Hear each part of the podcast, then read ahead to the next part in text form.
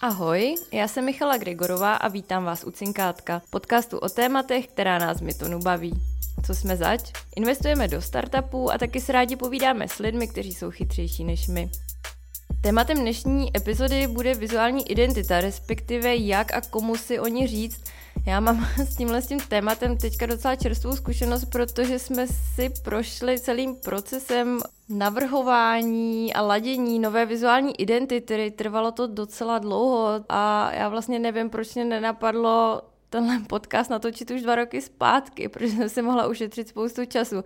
Nicméně lepší někdy než nikdy a třeba to pomůže někomu dalšímu. Mým hostem je totiž dneska grafický designer a brandový architekt a já bych řekla i renomovaný grafický designer Lumír Kajnar. Ahoj Lumíre. Ahoj Míšo. Lumíre, které tvoje vizuální identity můžou posluchači znát? Asi Scout. Ten je možná nejširší. Před deseti lety jsem udělal vizuální identitu pro českou pojišťovnu. Možná lidé ještě budou znát Liftago a moji alma mater z Línskou univerzitu, Tomáše Bati, kterou jsem taky dělal ještě jako student. Liftago budou určitě všichni znát. Měli jsme tady i Ondru Krátkého v jedné epizodě. Co vlastně umí dobrá vizuální identita zlepšit? Jak může firmě pomoct? Určitě se to týká komunikace, je to rozhodně součást balíku komunikace. Vizuální identita, málo kdy se to ví, ale lidi to podvědomě tuší, může jí lhát, může vyzdvihovat, můžete se za ní schovávat, může, protože vizuální identitu vždycky buď předsunujete, to znamená s obalem svého oblíbeného nápoje se setkáte častěji než s generálním ředitelem té nápojářské firmy. A taky taháte za sebou, jo? to znamená, máte tam celou fůru vzpomínek na to, jak vypadaly obaly před 40 lety ve vašem dětství a podobně, takže eh, dá se natahovat na celé časové pásmo a z toho vyplývá, že vizuální identita v dnešní vizuální době je něco, co je jako mimo, co mimo vás, že vás vlastně předchází, je za váma, je prostě mimo. Ona totiž funguje 24 hodin denně, 7 dní v týdnu, je všude, je všude přítomná a vlastně mluví za vás, nahrazuje vás do značné míry. A jak se podle tebe pozná, nebo co jsou parametry dobré vizuální identity? Asi úplně nejjednodušší by bylo, že to je v souladu buď s tou firmou, s její cíly, čím dál více se projevuje to, že identifikace uvnitř té firmy s tou vizuální identitou, zvláště u startupů nebo novějších firm, je už dneska poměrně důležitý jako atribut, jo? že nechcete jít pracovat někde, kde se vám nelíbí. Studenti třeba někdy můžou vybírat i IT firmy podle toho, jak to tam vypadá, nebo jak působí, jak vystupují na venek. První, co otevřete u firmy, kterou chcete oslovit se svým CV, může být webová stránka, jak vypadá.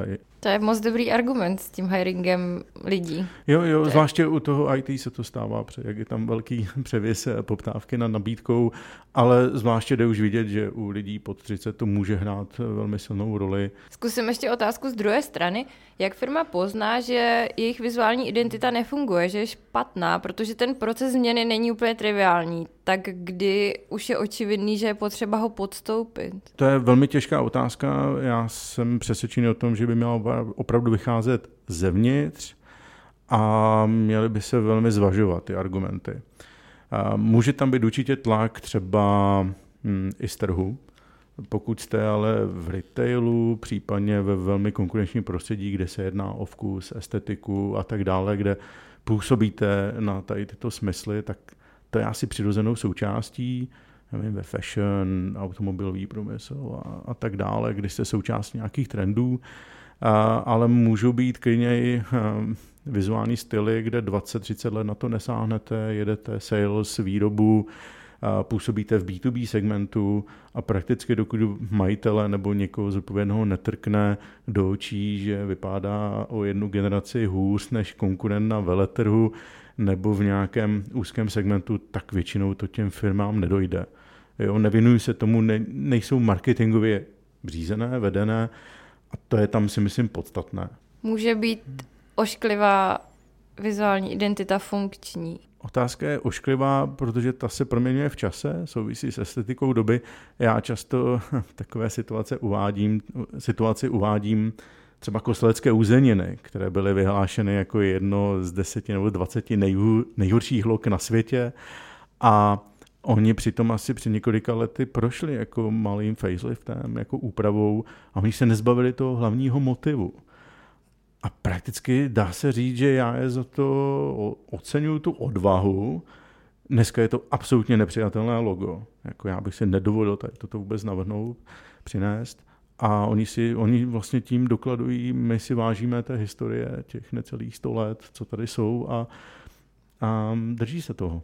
Nebo se jim nechtělo to podstupovat? Je to otázka. Já si myslím, že když máte přesně biznis postavený na uzenářství, mluvíte o tom, že jste tady XY let, tak vlastně tím jenom dokladujete tu historii, eh, nevzdáváte se ji. Tam je vždycky nebezpečí to, že když vyměníte v nějakých segmentech typické, kde hrajete na nějakou historii, na něco, nějaké řemeslná zkušenost a podobně, tak se vám to může vymstít.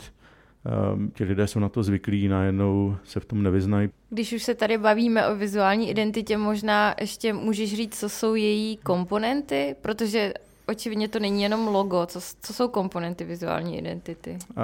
V dnešní době jich může být poměrně hodně. Záleží zase na tom, jak velká firma je, nebo spíš jak má velký marketingový nejenom rozpočet, ale taky mediální výtlak. Ano, na prvním místě je to logo, můžou to být firemní barvy, může to být písmo, můžou to být nějaké doplňkové grafické prvky, třeba tři pruhy u Adidas. Um, můžou to být ale potom třeba i motion, nějaké věci, jako typické. Netflix, když máte televizi, tak to jsou různé předěly, um, sekundové, dokonce se dá potom pokračovat v dalších symbolech, u těch vizuálních, ať už to je třeba oranžové tlačítko u Amazonu, je tam spousta prvků, které se můžou týkat eh, ovládání nebo no, v softwaru, v různých aplikacích, které jsou pro vás typické. A mm, je docela typné, tady si přihřeju polívku, eh, změnil se Twitter, eh, ne, najednou je to X, už se netweetuje, ale postuje, ale je zajímavé, že pořád v tom menu zůstalo jako hlavní symbol, hlavní ikonka ta ptačí budka. Jo. Ta ještě nezmizela. To je prostě domeček s dírkou. je to home. A je to na tom vtipné, že vlastně to je jeden z posledních symbolů, který nezmizel. Mimochodem, jak ty hodnotíš redesign Twitteru? Mně to přijde jenom jako způsob, jak ukázat, že tam má někdo nad tím absolutní kontrolu. A je to pro mě velmi zajímavý fenomén. Já jsem se k tomu ještě nějak extra nevyjádřil, já to vlastně chci sledovat jeden rok, protože my jsme hodně zvyklí u těch identit, že když to ve firmách udělají, tak teď už nám dejte pokoj aspoň pět let, už to nechceme vůbec vidět, nechceme to řešit. Utratili jsme na tom obrovské peníze, obrovskou energii, už je to pryč. Teď hlavně klid. To je správně, ono to pomáhá, čím déle se s tím pracuje, tak lidé se na to zvyknou a tak dále, ale zároveň naše doba velmi, je moc netrpělivá a velmi rychle přichází k tomu a už by to mohlo být nějakou, na, už nás to nudí a tak dále. A zrovna Twitter ukazuje jeden fenomén. Přesně jeden člověk se rozhodne a najednou to jde. Je to ve velkém, teď eh, spousta kolegů ve světě u nás se vyjadřuje, že to je ztráta značky z miliardových, eh, z miliardové ceny za tu značku, což jsou takové virtuální, virtuální nacenění, tak to šlo na nulu, nikdo to nezná a tak dále. No to není až tak pravda. Elon Musk to prostě je persona jako světového formátu. Eh, na jaře mimochodem udělal něco podobného s Dogecoinem, když na jeden den asi vemte, jaký to má vliv na kryptoměnu. Vy jenom vyměníte na jeden nebo na dva dny logo a to je pro mě neuvěřitelné. Ty virtuální značky nebo značky virtuálních sítí, vlastně tam ty výměny nejsou tak drahé. Je najednou důležitější mít tu aplikaci v mobilu, protože ona vám nezmizí, jenom se vám přemaluje. A je to pro mě fenomén, budu to sledovat, jestli opravdu došlo k tak velkým ztrátám, o kterých eh, mý kolegové vyprávějí.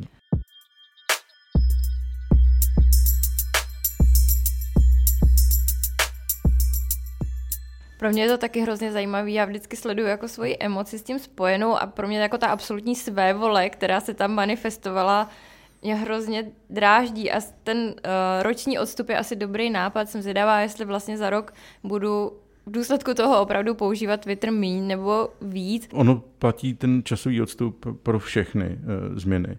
Bývám oslovován, když se změnila Škodovka, když se změní další a další jako loga. Co na to říkám? a já si velmi často nechávám jako odstup, protože dneska i ty firmy vědí, že se to rozkládá v čase. Já si do značné míry myslím, když se pojíme v komunikačním biznise, že vždycky změna loga nebo vůbec nějaký impuls je signál do toho ale komunikačního prostoru. Někdy i do trhu, že vlastně řeknete, hele, my jsme třeba prošli akvizicí, něco nového se stalo, něco je velkého a ty to tím podpoříte. Takže já mám třeba rádu rebrandingu nebo redesignu, když je to podpořeno s něčím opravdu možná i suchým, biznisově suchým, ale dodává tomu šťávu. Co bych měla mít ideálně ujasněné, než si někomu půjdu o tu novou vizuální identitu říct? Úplně prakticky. Musí mít třeba hotovou brand strategii. Pomáhá to, ale zase u brand strategie, je dobré, jak to potom přenést na ty designéry, na ty grafiky. Je to někdy těžké, protože grafikum stačí třeba jedna, dvě slova, ale vy máte prostě pořádný paklík jako brand strategie. Ale já se vrátím úplně k podstatě té otázky. Eh, první, podle mě, záležitost je, že máte vůbec chuť komunikovat. Že prostě chcete nějak vypadat, chcete něco říct a potom už to jenom jako specifikujete. Můžete dojít do absolutních detailů, ale někdy mě třeba pomáhá i v zadání, že to je poměrně jednoduché. Udějte to prostě modernější. Jo? Takže když znáte nějaké trendy a tak dále, tam je dobré najít tu míru, co vlastně tím chcete jako říct, jaký ten signál chcete vyslat. Chcete radikálně jiný, jste radikálně jiný, nebo naopak je to jenom drobná úprava. Je dobré tohleto vědět. Jo, asi na začátku než vůbec. A potom přichází druhá, koho, druhá otázka, koho si na to najmeme, s kým budeme potom spolupracovat, jak mu to odprezentujeme, tam už je to samotná alchymie.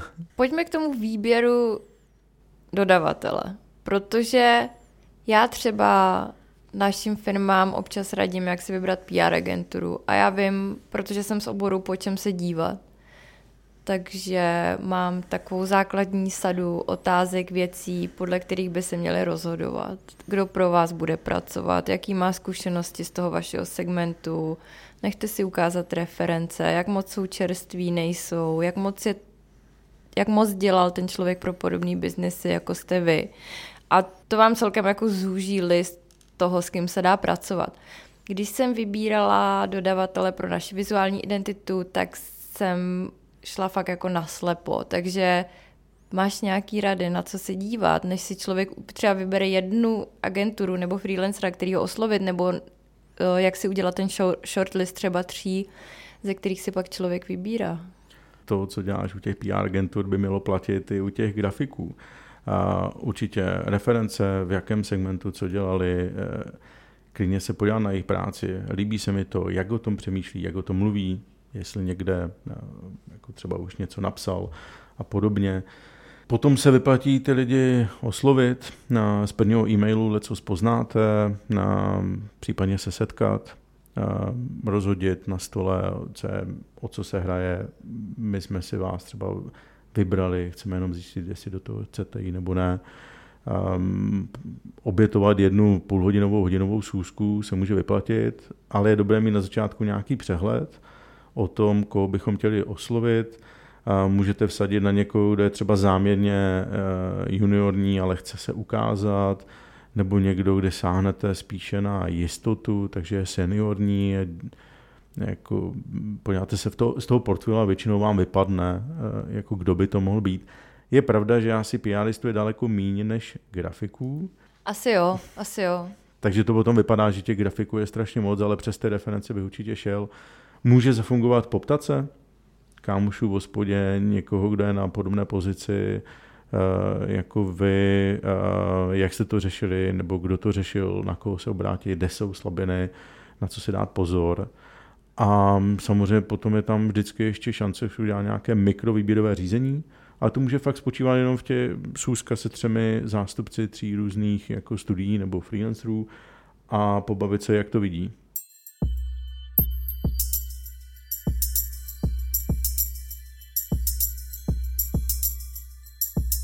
To mě zajímá, na, na, na co by se ptal uh, těch uh, kandidátů, protože zeptat se, hele Lumíre, jak to vidíš? Hmm. co, na co by se ptal? Tam se dá přistupovat k tomu dvakrát. Když se domluvá ta schůzka, ona může být opravdu jenom kontaktní, ale můžete už taky odprezentovat zhruba, co chcete a za, nechat to vlastně na tom studiu, jestli on už se nějak na to podívá. Někdy jenom prostá rešerše. Já jsem se podíval, že ve světě frisbee asociace vypadají takhle a takhle. Myslím si, nebo v Česku takhle a takhle. Myslím si, že by se dalo jít touhle cestou. A nebo byste mohli do merchandisingu investovat a tak dále. Na třech, na čtyřech slidech vlastně uděláte ten proaktivní krok, a vy jste potom překvapení, že Ježíši, schůzka, která měla být jenom povídací, tak najednou už nám ten grafik něco přinesl. Nebo nějak už mluví něčemu, co je hodně blízko na vašemu oboru, tak asi tam poznáte, že je dost eh, fajn, že se naladil na to, co chcete a je to lepší. A druhá cesta, jak to poznat přímo při rozhovoru, a ten může být i klidně v kavárně, eh, jak se ptá, prostě grafik nebo kdokoliv, kdo se eh, točí kolem komunikace, ono to nemusí být jenom grafický design nebo vizuální identita, podle té skladby a třeba hloubky těch otázek vlastně už vám to hodně hmm. napovídá. Jo, když se potkáte s někým, kdo spíše poslouchá vás, čeká na vaši otázku a jak si to představujete a tak dále, tam sice budete mít taky splněno, ale bude to trošku jako těžší. Nebo jo, já nechci totiž sazovat ani ty lidi, kteří nejsou tak proaktivní, ale hodně je tam velký rozdíl třeba v nacenění. Průšvih už je, že někdo, kdo přistupuje spíše, řekněme, nemoc proaktivně, nepřinesl vám nějakou zásadní myšlenku nebo jiný pohled, není tam nějaká přidaná hodnota nejenom přes design, ale vůbec té komunikaci a říká si o peníze na stejné úrovni jako špičkoví grafičtí designéři, tam je asi trošku problém. Když někdo je velmi zvědavý, zvídavý a, a přinese vám něco, co aha, to jsme nečekali, nebo tady ušetříme a tady zainvestujeme, tak tam už je třeba i obhajitelná vyšší cena, protože vám může opravdu upravit náhled na to, jak fungujete. Co se mi ještě honí hlavou, můžeš se ptát jakoby sebelíp, někoho si vybereš, ale pak v průběhu toho procesu zjistí, že to prostě není ono. A teďka, jak se tohle z toho riziko dá minimalizovat? Mě u toho našeho druhého dodavatele tam hrozně vyhovovalo, že ta spolupráce, že ta nabídka byla jako rozfázovaná. Mhm. Začínalo to moodboardem, o tom jsme se vlastně bavili i spolu, to mi přišlo jako super doporučení, začalo to moodboardem, na základě toho měly přijít jako dvě skici dvou směrů vizuální identity, z toho se dalo vybrat, potom tam bylo teprve dopracování toho vybraného, takže já jsem věděla, že to v těchto fázích můžu když tak jakoby utnout a bude to stát nějaký peníze, ale nebude to, nebude to zase tolik. Je tohle postup, který bys doporučil? Já tomu říkám um, takový sobod, svobodný vztah obou, že každý má po té fázi možnost říct, hele, pojďme to uzavřít, tady máte třeba nějakou skicovanou část, logicky nemůžete z toho nic uh, použít, ale něčím jsme si prošli, nevyhovuje nám to, nesedí nám to, pojďme se rozloučit a mně to přijde docela fér, dělám úplně to samé. Ono se zapomíná, že vizuální komunikace, pokud je na jedné straně nějaká brandová strategie, která je neskonale širší a zasahuje více těch eh, kreativních eh, profesí, tak eh, ten grafický designer vždycky přinese nějakou interpretaci. Ano, je pravda, těch interpretací může být 100, 200, nikdy nemusíte skončit, ale zrovna když tohle vám sedne a zapadá do, to, do toho rámce, on to ještě odprezentuje, řekne tam nějakou časovou linku, v jaké době se to bude jako komunikovat, nebo co to přináší za výhody, řekněme, funkční nebo praktické, tak si myslím, že to může zaklapnout. Vždycky je to na zodpovědnosti toho grafika, do chvíle, než vy to přijmete, protože potom už je to na vaší zodpovědnosti.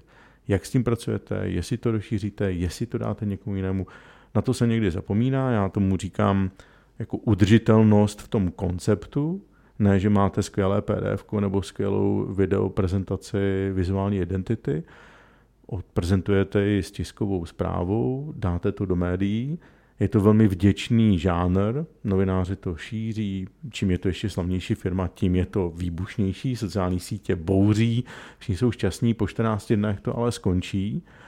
A tam jsem taky zvědavý po tom roce po dvou, co z toho zbylo, je to jenom to logo, udrželo se to, protože některé ty koncepty můžou opravdu v čase být extrémně náročné.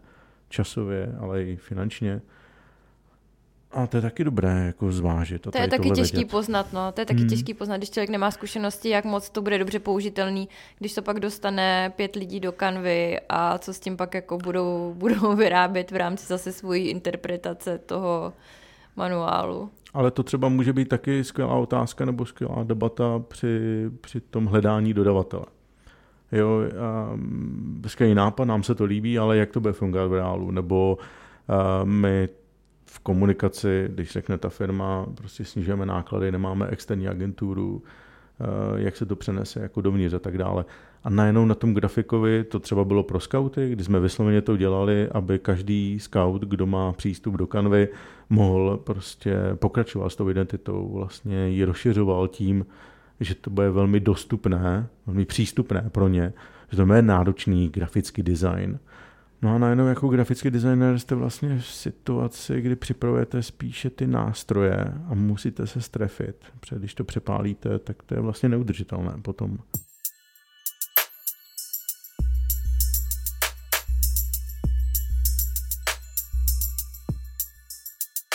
ještě mě zaujalo, jak ty si to strukturoval s tím, že mám brandovou strategii, a teď je stovka možných grafických, vizuálních interpretací. To je hrozně zajímavý. To znamená, za prvé může být špatná interpretace té brandové strategie, ale i když je správná, tak je tam prostě pořád strašně moc cest. A teď jak, jakoby, jak v tomhle vizuálním světě, kdy překlápíš nějaký textový dokument do toho vizuálna, jak ty zvýší šanci, zvýší šanci na úspěch. Já jsem pochopila, že ten moodboard je třeba jeden z těch nástrojů, jak se vlastně můžete shodnout, že mluvíte o tom samým je tam něco dalšího? Je jenom pár těch technik, moodboard je jeden z nich. Já ještě v tom komentáři k těm to interpretacím, to je ve chvíli, když to vzniká. Eh, když to prostě přijde a vy se na tom shodnete, tak se to vlastně zamkne a potom přebíráte vy zodpovědnost za tu vizuální jako komunikaci. Protože vy se s tím identifikujete. Ten moment té identifikace je extrémně důležitý. Mm. A tam už nemá smysl jako pořád přemýšlet nad tím, mohlo to vypadat jinak a tak dále. Většinou to vědí jenom ti, kteří byli u toho vzniku, že byly nějaké alternativy a tak dále. Ale jakmile se to jednou fixne, jednou řekne, tak vlastně lidé to takhle přijímají. Najít tu míru mezi tím, nedezorientovat ty lidi, ať už uvnitř nebo venku, aby se to protlo s nějak brandovou eh, strategií, aby jednu chvíli jsme to fixli a už to neměnili, je prostě důležité. Zároveň si myslím, že je velmi těžké tam používat hodnocení špatné nebo dobré. Je tam ten moment toho, že jakmile někomu ukážeš, hele, máme nové logo, co si o tom myslíš, tak dochází někdy i k deziluzi a když se zeptáš 50 lidí, tak jako to nebude úplně hezké slyšet. A proto je tam důležité to fixnutí, jo, že jsi tam našel nějaký kompromis, v tom, že někdo přinesl nějaký názor, nám to sedlo v tu chvíli, bylo to obhájitelné, mám nějaké argumentace, proč to tak je a takhle to teď necháme, tak to prostě fixneme. Je to docela náročné, protože to je velmi jako úzkostný moment. Já si ho uvědomuji u klientů, kdy oni vlastně neví. Oni si uvědomují ten, někdy tu, tu velikost toho rozhodnutí. Ježíši, teď se rozhodneme. A to je jako, jako a je to velké. A teď jako ty názory a hlavně ty možnosti co se dají. No, je to někdy fakt těžké, no. Proto... Úzkostný moment je dobrá charakteristika. Jo, jo, naprosto. Proto já někdy dělám třeba i takzvaně jako negativní eh, návrhy, neboli ukážu spoustu návrhů a nechám ty lidi ne vybírat ten nej... nebo nebavíme se o tom, který je nejlepší, ale vyřazujeme ty špatné. Protože jsem si odzkoušel několikrát, lidi daleko raději vyřazují, mm-hmm. než ukazují na to správné. A ku podivu přes ty negativní se daleko lépe dochází k tomu závěrečnému, co by to asi mohlo být nejlepší. Další technika k tomu moodboardu třeba. Mm-hmm. Jak dlouhý čekat proces a kolik to bude stát? Startupy od přírody bych mohl říct, eh, nebo od podstaty, velmi rychle cizelují, ať je to business model, nebo cílovou skupinu, nebo jak se jim to bude vyvíjet, je to hodně pod rukama. Zároveň ví, že plní prezentace je za týden u nějakého významného investora a tak dále. Já si myslím, že tam ty úvodní fáze můžou být extrémně rychlé, dokonce se vysloveně nestrefit, třeba jenom prostě to mít název. Název je asi nejdůležitější, i ten se potom dá změnit. Je to fakt, že se to i často děje, no. že, že pak pokračují ty projekty s jinou značkou, Přesně než měli třeba dva, tři roky a zase tak moc se a Proto je to nestane. startup. Jo. ale je to velmi rychlé a já třeba si vzpomínám, že jsem i se vzdal jedné zakázky, protože jsem mi říkal, je, to za půl roku to budete měnit, to nemá smysl, teď se tím jenom trápit přes se mnou, strávíte jenom tři měsíce, ale vy potřebujete jako vyvíjet, posouvat to, zjišťovat, co ten trh chce a tak dále. A oni do roka, do dne, myslím, že exitovali celý ten velmi úspěšně, celý ten projekt. Takže jsem přišel taky o velký, velkou zakázku, ale při představě, že by strávili se mnou tolik měsíců, tak to je fakt zbytečné potom. No ale stejně, je to teda, řekl bys, počítejte s půl rokem a řádově stovkami tisíc? To by bylo asi už nějaké třetí jako fázi. Jo. Když si třeba zrovna Liftago. Jo. Liftago, když oslovovalo mě, když jsem pro ně pracoval v roce 2015, tak to už byla rozjetá taxi služba. Ale ten moment, kdy oni najali mě, bylo, že my se potřebujeme sebe sejmout tu taxi. Takže tu nutnost provizoria u startupu jakoby chápeš. Naprosto. Dokonce si myslím, že u některých, eh, kdy to je třeba riskový mm, kapitál, jako kdy, kdy to je fakt jako těžké někde se prosadit, nebo naopak těžko uchopitelné. Ono, vy jste změnili vizuální identitu, ale jako nejste úplně jednoduchý segment, jo, jako investoři, jako o co se tam přijde a tak dále. Zlaté kostelecké uzeniny. A, Souhlasím. A, prostě u startupu je to ještě horší, takže velmi často se tam třeba vybírají maskoti, symboly, které nemají vůbec nic společného jako s tím, co děláte. Protože nechcete být třeba moc techničtí, tak tam zvolíte úplně jiná slova. A je to free, eh, skvělé, cool a vůbec to nemá nic společného s podstatou. Docela to tam lítá. Někdy to může být fakt nápad jenom v hospodě, protože tak jako ten původní nápad třeba vznikl, takhle neformálně, tak i ta loga můžou vzniknout takhle neformálně a potom buď se jich držíte toho motivu, nebo ho s přehledem změníte. Co je za tebe důležitý, když už máme tu vizuální identitu hotovou? Já už jsem to zmínil, je to ta udržitelnost. Držet to, mít možnost to rozvíjet, domluvit se taky s původními autory, že je možné do toho kreativně zasahovat, nebýt v tom zamčený a že vám to bude dělat radost, že to bude doprovázet. Jako. Je potom skvělé, když třeba slyším, že to i uvnitř způsobilo nějakou, to nakoplo prostě ty lidi, že to je nějaký mezník, my jsme to také vnímali, jste více fresh, nějak se to projevilo, to je potom velmi sympatické, tyhle úplně terciální jako efekty, které nikdo na začátku neplánoval, jsou velmi sympatické a jsem rád, když se to přihodí i mně. Mým dnešním hostem byl grafický designér a brandový architekt Lumír Kajnar. Lumíre, díky moc za tvůj čas. Já moc děkuji za velmi příjemné popovídání, Míšo. Poslouchali jste podcast České investiční skupiny Myton. Pokud vás zajímá, proč se jmenuje Cinkátko, zeptejte se nás. Neustále totiž hledáme zvědavé a chytré lidi do našich firm. Více dozvíte na myton.cz.